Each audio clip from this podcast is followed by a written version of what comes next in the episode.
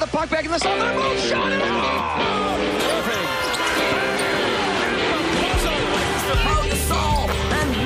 You want to go? Let's go then. Pagan coming in. Dives and he makes the catch. Locker Room, amb Ruth Vilar. Durant tot el dia d'avui dissabte, també ho farem demà al Tot Gira. Hem estat seguint aquesta Ryder Cup de golf que encara continua en marxa amb aquest 6 i mig a 5 i mig favorable als Estats Units davant d'Europa. Uh, però avui, òbviament, volíem també uh, que la Ruth Vilà des de Nova York, des d'allà, des dels Estats Units, ens expliqués també com s'està vivint tot plegat. Ruth, com estàs? Bona nit. Hola, bona nit. Uh, perquè aquí es viu amb intensitat, eh? Sí, encara que ara que direm Minnesota la gent li soni que fa un fred descomunal, doncs de moment el que estem veient, jugadors i espectadors de la Ryder Cup estan tenint millor temps que a Nova York, eh? Ah. La pluja últimament no ens dona treva. Eh, això sí, hem vist en, el, en algun eh, partit que, que el vent sí que perjudicava una mica als jugadors de la Ryder. Molt bé. Uh, I com afronten aquesta Ryder els jugadors americans? Uh, perquè per ells és una, realment una qüestió d'honor, no? Doncs la viuen amb certa pressió, perquè, clar, com, com ja comentàveu, eh, no volen sumar una quarta derrota consecutiva. I també jo la veig amb certa cunyeta entre fans i mitjans per aquesta concatenació de derrotes. Jo crec que és aquesta cultura que tenen els americans de competir i de sempre voler demostrar que són els millors, com que últimament en estan perdent, doncs prefereixen riure-se'n una mica de l'equip perdedor, aquí els diuen els underdogs, i, i per exemple, se n'en foten doncs, que el capità tingui cinc assistents, entre ells Tiger Woods, o, ahir algun diari deia què farà Tiger, no? que portarà els entrepans i les ampolles d'aigua. I pel que fa a la consigna enguany per intentar guanyar d'una vegada aquesta Ryder Cup, doncs eh, els americans parlen molt de fer equip.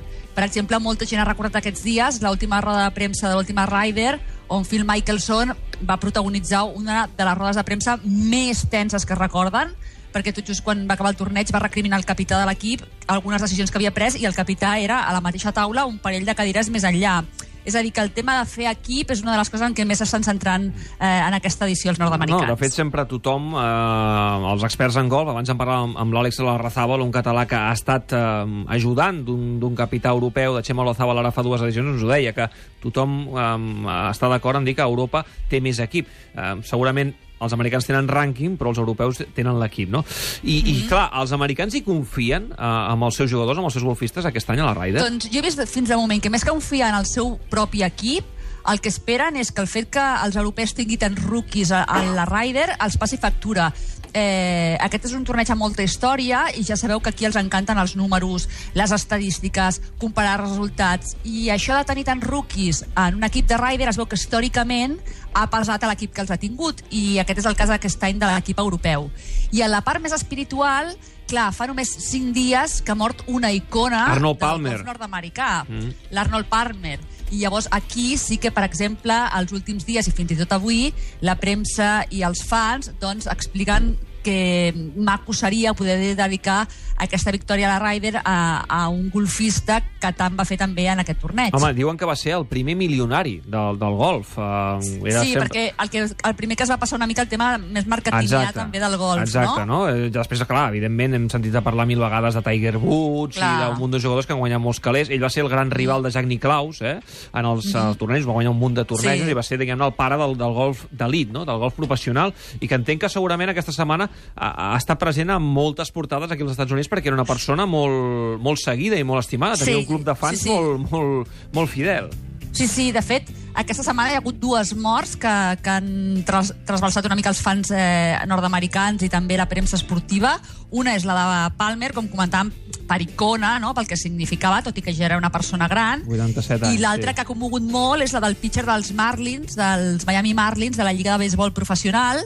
Aquest només tenia 24 anys, José Rodríguez, i a més a més va traspassar en un accident inesperat i per això eh, ha causat tant de, tant de rebombori la seva mort. Va, va ser un accident al mar, oi, Ruth? Sí, Sí. sí, sí, un accident amb, amb una barca. Eh, amb ell li agradava molt navegar i van agafar doncs, una llanxa i... Mm, perdó. Tranquil·la, tranquil·la, Ruth. Estossega, estossega. Sí, sí. No pateixis.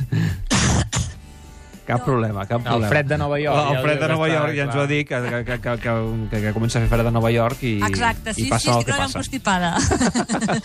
doncs amb aquesta No barca van sortir de nit i van xocar contra unes roques allà a Miami i van morir els tres ocupants de la llanxa. Mm. I Rodríguez era un dels grans ídols pel seu origen cubà. Sabeu que a Miami hi ha una comunitat cubana molt gran i perquè els entesos en béisbol l'assenyaven com un dels millors jugadors de la Major League de béisbol de cara als pròxims anys. De fet, ja havia estat el rookie de l'any el 2013 i tenia més una història perfecta del que és el somni americà, amb només 15 anys. Ja havia intentat deixar Cuba en 13 ocasions, esperant alguna barca que, que el fes traspassar um, als Estats Units o bé a Mèxic. Només va aconseguir pujar en aquesta barca tres vegades, eh, el van enganxar un parell de vegades abans d'arribar a la costa nord-americana i aleshores el que et fan és que et retornen a Cuba i, a més a més, et posen un parell de mesos a la presó.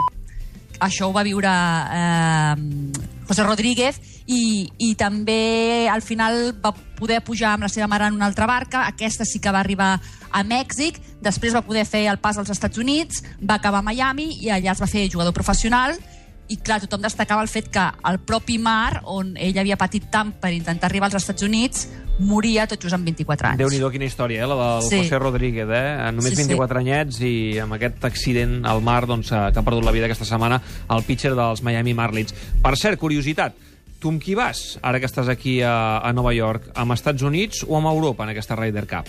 No, jo amb Europa. Amb Europa. Ah, molt bé, el sentiment europeu, eh? Que el mantens Exacte, intacte, eh? sí, sí, sí, molt sí. bé. A veure qui guanya, demà ho sabrem. Gràcies, Ruth. Adéu-siau. Vinga, adéu, bona nit.